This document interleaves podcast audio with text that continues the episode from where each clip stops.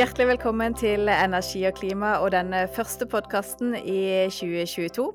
Mitt navn er Kirsten Øystese, og med meg fra Oslo er Energi og klima sin korrespondent som normalt sitter i Brussel, Alf Ole Ask. Velkommen. Takk skal du ha.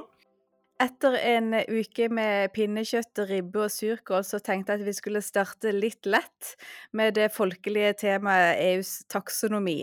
Ja. For det har skjedd en, en ørliten lekkasje fra Brussel i nyttårshelga. Det var muligens en, en styrt lekkasje, men det er en lekkasje som har betydning for gasskraften og atomkraftens fremtid i EU. Og hvis, hvis vi skal begynne bare med en liten faktaboks, for det kan være noen har brukt jula til å glemme hva denne taksonomien egentlig var for noe, kan du bare si hva er taksonomien, og hva er hensikten med den? Taksonomien er kort fortalt så det EU godkjenner av prosjekter som da skal få stempelet å være bærekraftig. Dette er for å vri investeringene over til den bærekraftige sektoren. Og det store De har godkjent en masse ting innenfor denne taksonomien, fornybar energi osv. selvfølgelig. Den store striden nå det står om hvorvidt atomkraft og gasskraft i en overgangsperiode skal kunne være å regne som bærekraftig. Og hele hensikten det er jo at som, en, som et ledd i at EU skal redusere utslippene med 55% innen 2030 og nå klimanøytralitet i 2050, så skal de prøve å dytte investeringer og kapital skal gå i riktig retning. Og da skal de ha et felles regelverk for hva som kan kalles grønt, og hva som ikke kan kalles grønt eller bærekraftig. Ja, og dette er veldig viktig for finanssektoren, altså pensjonsfond og slike ting. fordi at det som EU nå da definerer som bærekraftig, betyr at det er de tingene de kan ha i sin bærekraftige portefølje. Og dette er igjen viktig for de som da skal bygge ut denne type energi eller disse type tingene, at de da kommer på denne listen, fordi dermed så flyter det mer kapital dit. Og som du sa, i, i, april i fjor så kom jo EU-kommisjonen med en rekke kriterier for hva som er bærekraftig innenfor fornybar energiproduksjon, innenfor jern og stål og hydrogenproduksjon og batteri og, og mange økonomiske aktiviteter, men altså ikke gasskraft og ikke atomkraft. Hvorfor har dette vært så vanskelig for EU-kommisjonen og landet? Ja, Først og fremst var det veldig vanskelig for medlemsstatene. De klarte ikke å bli enige om dette, fordi det har splittet EU dypt. Og så ble det overlatt i en såkalt delegert handling, Delegation Act, til EU-kommisjonen, som da skal legge fram et forslag. Formelt kommer det i løpet av noen få dager. Og så har medlemslandene og Europaparlamentet en veldig kort tidsfrist på seg til å uttale seg slash erklære seg enig i dette. Så dette her har, dette skulle ha kommet i fjor høst. Det har tatt enormt lang tid, og det har vært enormt mye att og fram, rett og slett fordi det er så kontroversielt. Men nå er altså forslaget det er lekka, og hva er det kommisjonen har foreslått i det som er silt ut?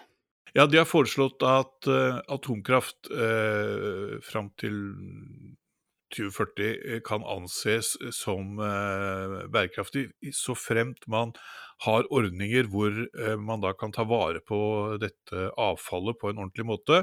Og så har man da for gassens vedkommende sagt at man ut fra visse strenge kriterier et utslipp på 270 gram per kilowatt, det sier kanskje ikke folk så veldig mye, men det er lavere enn hva man har fra et kommersielt gasskraftverk i dag. Så kan man da fram til 2030 invester ta investeringsbeslutninger om disse typer kraftverkene. Det betyr at disse eventuelt også da må fòres med gass som er tilsatt hydrogen, og dermed er såkalt lavkarbongass. Så det, det, det er noen ganske strenge kriterier her. For at disse tingene Og når det gjelder gassen, så skal den også da erstatte mer forurensende, i realiteten da kull eller olje. Uh, ja, det er vel uh, oppsummert det som, som ligger på, på, bordet, hvis man skal gjøre det kort. Men du sier det er noen tidsbegrensninger her. Altså at uh, atomkraft kan, må skje innen 2040, mens, uh, mens for, uh, for, gassen så må investeringsbeslutning tas før 2030. Og hva skjer da etter disse tidsfristene? Ja, Det vil jo da bety at da vil, ikke disse, vil man ikke kunne regne disse som bærekraftige, da, hvis man skal se på det forslaget som nå er lekket for øyeblikket. nå kan det, og det skal man eh, alltid ta en høyde for når det gjelder EU, uh, være litt forsiktig med å være for detaljert i dette, disse lekkede dokumentene. For det kan jo skje innstramminger eh, helt på slutten.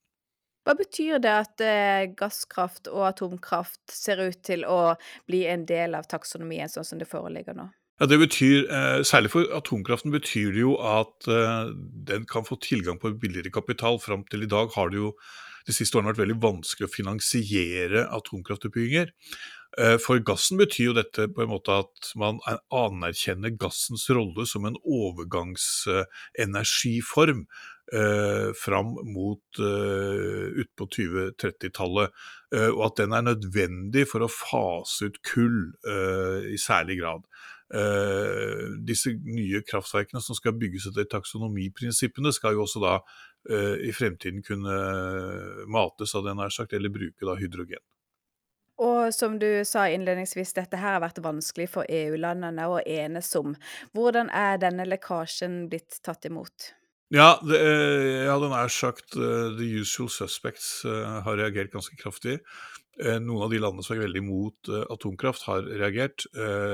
spesielt Østerrike, som er en slags førende nasjon i, i EU mot atomkraft, sammen med Luxembourg og etter hvert Tyskland, som jo nå i løpet av veldig kort tid faser ut sine siste reaktorer.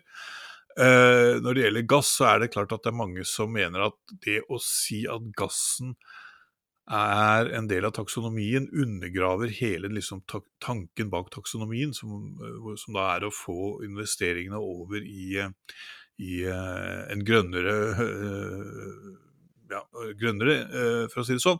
Men samtidig tror jeg man skal ha klart for seg en ting som er viktig her, og det er at denne energikrisen i Europa har skapt et helt annet eh, skal man si, grunnlag for å diskutere energiformer og har nok også gjort at, uh, at f.eks. gass, men også atomkraft, har fått en helt annen rolle. Vi ser i flere uh, EU-land at det har vært diskusjoner om å forlenge atomkraften. Det hadde man i Belgia. Der falt man da ned på 2025, som var uh, det opprinnelige uh, standpunktet. Men man åpner en liten bakdør for nye, mindre atomkraftverk uh, down the road. Så, så, så det, det, det, denne eh, enorme prisøkningen på strøm og gass har også ført til en, en eh, annen form for debatt. Og så det gjort det sånn sett lettere å få igjennom at eh, kjernekraft og gasskraft bør være en del av taksonomien i en overgangsperiode? Ja, jeg tror eh, Nå gjenstår det å se, da, eh, når medlemslandene osv. skal gjøre dette, så vi skal ikke foregripe begivenhetene. Men, men eh, når du, sånn som jeg har sittet og fulgt debatten på en, flere ministermøter, både blant klimaminister og energiministre, og når man så det siste EU-toppmøtet som du og jeg snakket om, hvor man da ikke klarte å enes om formuleringene om energikrisen, bl.a. fordi man er uenig om denne type spørsmål, så, eh, så, tyder jo det på at debatten er inne i et helt annet leie. Ja. Og eh, Hvis vi ser litt på reaksjonene som har kommet. Eh, Slovakia så applauderte forslaget, mens Østerrike truer EU-kommisjonen for å trekke EU-kommisjonen for retten. Kan du si litt mer om hva de tenker der? Østerrike er eh, interessant, fordi Østerrike eh, på, tidlig på 1970-tallet startet jo et eget atomprogram. Uh, slik mange, uh, for så vidt europeiske land, etter oljekrisen, hvor oljelandene i Midtøsten stoppet oljeflommen til Vesten, så ønsket jo de å styrke sin innenlandske produksjon av energi. Det førte til at de faktisk bygde et, et atomkraftverk som, som Eh, ble veldig omstridt i debatten i, i, i Østerrike. Eh, det heter for øvrig Svenkendorf, og det ligger litt overfor Wien. Eh, kanskje en times bilkjøring. Og det var altså de to største partiene, sosialdemokratene som på det tidspunktet hadde flertall i nasjonalforsamlingen, og de konservative var for dette, næringslivet var for, fagbevegelsen var for. Men protestene økte. Bruno Kreisky, som vel kanskje kan sammenlignes med å være Østerrikes Einar Gerhardsen, han eh, utlyste da en folkeavstemning, så vidt jeg vet den første i Østerrikes historie, og tapte. Med et meget knepet flertall. Eh, og eh, dermed ble det atomkraftverket aldri satt i drift. Og det var, helt, det var, så klart at de skulle bare trykke på knappen. Alt var, var installert. Det var bygd av, av, av tyskerne. Og skulle ha stått for 10 av, av uh, all energien i Østerrike. Dette var den første store politiske seieren for for anti-atomkraftbevegelsen. Og det eh, endret da Østerrike til å bli et land som har jobbet mot atomkraft eh, siden. Så det har på en måte en veldig sånn tydelig innenrikspolitisk eh, historie i, uh, i, Østerrike. Men hva, de, hva, hva kan de ta EU-kommisjonen på da når de truer med å, å trekke kommisjonen for retten? Ja, De mener at dette her da vil være i strid med, med, med lover og, og traktater. Eh, det vil bli veldig interessant å se om hva slags stor støtte de i realiteten får for dette, hvis det nå eh, EU-landet lander på et eller annet kompromiss. Eh, men det viser jo hvor betent denne, denne saken eh, faktisk er. For i tillegg til Østerrike så er jo også Tyskland og Luxembourg land som er kritisk til at atomkraft eh, blir, kan bli en del av taksonomien. Men er de også i, på den tanken at de kan trekke kommisjonen for retten? Det har det foreløpig ikke vært. Det er bare Østerrike som har, har flagget dette. Eh, jeg tror det er veldig vanskelig å se for seg at tyskerne eh, skulle gjøre noe sånt. Jeg har også lagt merke til at den nye tyske kansleren Olaf Scholz uh, uttalte seg litt mer, uh, hva skal man si, uh, ikke så kategorisk når det gjaldt atomkraften her like før jul. Nå er det hans miljøminister osv. som er ute og, og, bruker veldig harde ord i denne saken. Det kan tenkes at det liksom er noe som de grønne i Tyskland får lov til å styre med. Og så får man liksom se hva som skjer når dette, når dette kommer på bordet. Tyskerne er jo avhengig av gass. Uh, og har planer om å bygge noen nye gasskraftverk for å fase ut resten av sin kull. Så dette her er jo et slags kompromiss da, som ligger på bordet, så får vi nå se hvordan det, hvordan det ender uh, til slutt. Du nevnte at eh, for både kjernekraften og for eh, gasskraften så er det visse kriterier som innfris for å kunne kalles bærekraftig. Blant annet eh, knyttet til atomkraft så må avfallet håndteres på en trygg måte. Og for gasskraft så er det grenser for hvor mye CO2 per kilowattime som kan, kan slippes ut. Og så gjelder det bare en, en gitt tidsperiode. Hvor, hvor vanskelig er disse kriteriene å innfri? Det, det, det, må jeg innrømme at det vet jeg ikke. Jeg er uh, journalist og ikke ingeniør. Men, men, men uh, ut fra de uh, signalene jeg har sett liksom på Twitter etter at vi også da la ut disse tingene for et par dager siden, så, så viser det seg at det er, det er, mulig. Men det er klart at det vil jo gjøre gassen dyrere. Det vil jo være, være en del hindringer i veien. Men, men samtidig er jo dette her Eh, et teknisk problem i tilfelle, som er til for å løses. Så, så, så, eh, så, jeg, jeg, tror ikke dette er uoverkommelig, i hvert fall ikke ut fra en del av de foreløpige meldingene jeg har sett. Men, men, her vil jo, som alltid i sånne EU-lover, djevelen være i detaljene. Og inntil vi liksom får de eksakte tingene og får dette på plass, så blir det veldig vanskelig liksom, å ha detaljerte oppfatninger om det, tror jeg. Når eh, kriteriene for de andre økonomiske aktivitetene ble lagt fram i april i fjor, så var det jo en massiv runde med høringer. Det kom inn eh, var det vel 46 000 høringssvar eh, til de kriteriene. Hvordan kommer disse kriteriene for atomkraft og, og, gasskraft til å bli behandla, og, og hvilke muligheter er det for å påvirke nå? Jeg tror ikke de mulighetene kommer til å være så veldig store. På mange måter er dette her kjent materie. Sånn at dette her eh, kommer til, eh, eller skal vel i utgangspunktet da behandles eh, ganske raskt, og, og, men det er klart at du kommer til å få en lang rekke reaksjoner, ikke minst fra Da har du allerede sett fra, fra deler av miljøbevegelsen, særlig på dette med gass, men også i forhold til, til atomkraften, selvfølgelig. Og jeg mener, så det har jo vært Altså, EU har jo i, eller EU-kommisjonen har jo mottatt vel tre omfattende rapporter om at atomkraften i denne prosessen. Så det har vært allerede mens de har jobbet fram dette forslaget, vært omfattende høringer. Så jeg tror liksom eh, i den måten de gjør dette på, ved å delegere dette til kommisjonen, så finnes det litt andre regler enn når du lager en vanlig lov. Så hvordan blir prosessen nå frem til dette da eventuelt eh, blir, eh, blir eh, vedtatt? Nei, nå, Det som skjer nå, er at kommisjonen kommer til å legge fram sitt forslag formelt, og så skal da medlemslandene og parlamentet eh, blir enige om, eh, om, hva de skal mene om det. Eh, og da må det altså være et flertall som da eventuelt forkaster det. da.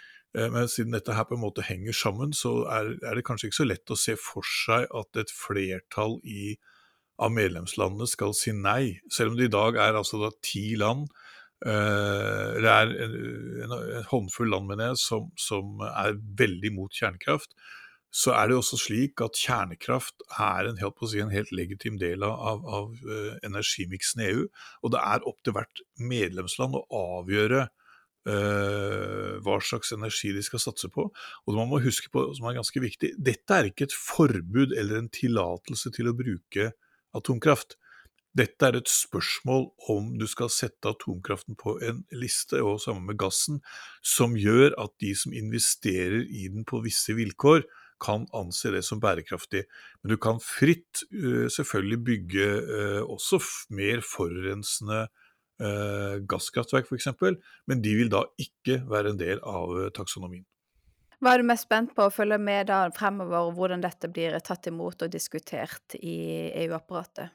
Nei, det er, det er selvfølgelig jeg Selvfølgelig må man følge med på om, om østerrikerne virkelig gjør eh, alvor av sin, eh, av sin trussel, men, men, eh, men, jeg tror man skal se dette i sammenheng med denne energikrisen i Europa, og at dette Det har vært mange land som har etterspurt en løsning på dette på diverse ministermøter det siste halve året, fordi de ser også dette som en måte å komme seg ut av den eh, krisen som, som, som, de står i, og de mener at de klarer ikke å fase ut kull. De klarer ikke å nå klimamålene uten å ha gass som en overgang og ha med eh, atomkraften i energimiksen sin. Du må huske på at et land som Frankrike har 70 nesten av sitt, eh, av sitt strømforbruk henter de fra atomkraft. Uh, og Det er noen land som er veldig avhengig av det, og hvis du liksom skal fase ut det samtidig, som du faser ut kull, så eh, klarer du ikke å, å, dekke opp dette med fornybar energi, og da er du veldig utsatt for den type prissvingninger som vi nå har sett. For hvilke land vil det være eh, ha størst betydning av eh, at gasskraft og atom nå eh, ser ut til å bli en del av taksonomien? Jeg har allerede nevnt Frankrike som et eksempel. Eh, lang rekke land eh, av de gamle landene i Øst-Europa eh, vil dette være veldig viktig for. Eh, atomkraften Finland er jo et land som har gjort seg alliert med Frankrike i, i ønsket om å få, om å få atomkraften Eh, som eh, bærekraftig. De skal jo åpne et nytt atomkraftverk som er sterkt forsinket, eh, trolig i løpet av våren. Det foreligger i noen land nå planer om å bygge nye atomkraftverk. Hvis man skal holde atomkraften på det nivået som den er i dag, som en andel av, av energimiksen, så er det behov for store investeringer og man åpner også dette taksonomiforslaget på, for at eh, rehabilitering, hadde jeg nær sagt, oppgradering av atomkraftverk f.eks. Eh, kan bli en del av taksonomien dersom man da eh, oppfyller eh, et sett av disse kriteriene som er, nedfelt her. Fordi det er altså snakk om milliarder på milliarder av euro som må inn i denne sektoren, bare for å holde den å si, flytende i de neste 10-15 årene. Og nye gasskraftverk, det kan man se for seg da i f.eks. Tyskland, som skal eh, fase ut eh, restene av sin kjernekraft, og også kull. Og, og, i land som typisk Polen, som har mye kullkraft, som da kan, kan bruke gasskraft i en overgangsperiode. Absolutt, og det planlegges jo, eller er jo under bygging nå, et et nytt gasskraftverk i eh, Belgia, som skal erstatte da, disse reaktorene som belgierne nå stenger ned.